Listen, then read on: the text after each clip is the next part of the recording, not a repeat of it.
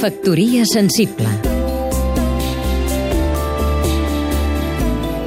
Jordi Llavina, escriptor El filòsof Emilio Lledó acaba de publicar a RBA l'obra Los libros y la libertad. Si podeu, llegiu-lo. I si us va bé, llegiu-lo amb un llapis a la mà. Lledó és un acèrrim defensor del llibre tradicional, canònic. No censura ni de bon tros el llibre electrònic, el pensador sap molt bé com n'és d'important el fet de llegir, ja sigui en un suport de paper com en una pantalla, però ell que no el privin dels seus llibres de cobertes de cartró i pàgines de paper. Cito, Muchas veces, recorriendo con la mirada esas paredes de mi biblioteca, pienso que podría reconstruir la pequeña historia de mi vida deslizándome por los recuerdos que esos libros me despiertan.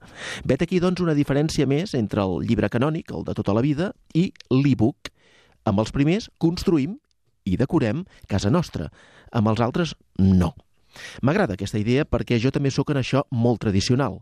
A casa meva els llibres són per tot, però en la part de dalt del meu dúplex al centre de Vilafranca, a l'espai on treballo i on dormo, treballo amb el suport d'una taula de fusta i dormo amb el suport d'un llit molt modest, en aquesta part de dalt dic jo hi tinc els llibres de poesia, que per mi són els més estimats.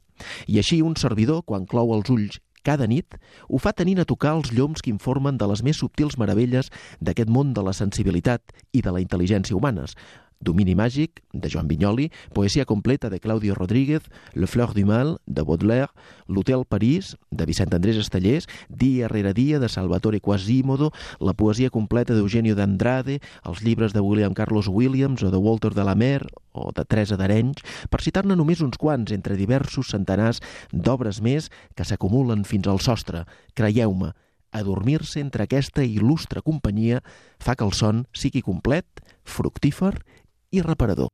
Factoria sensible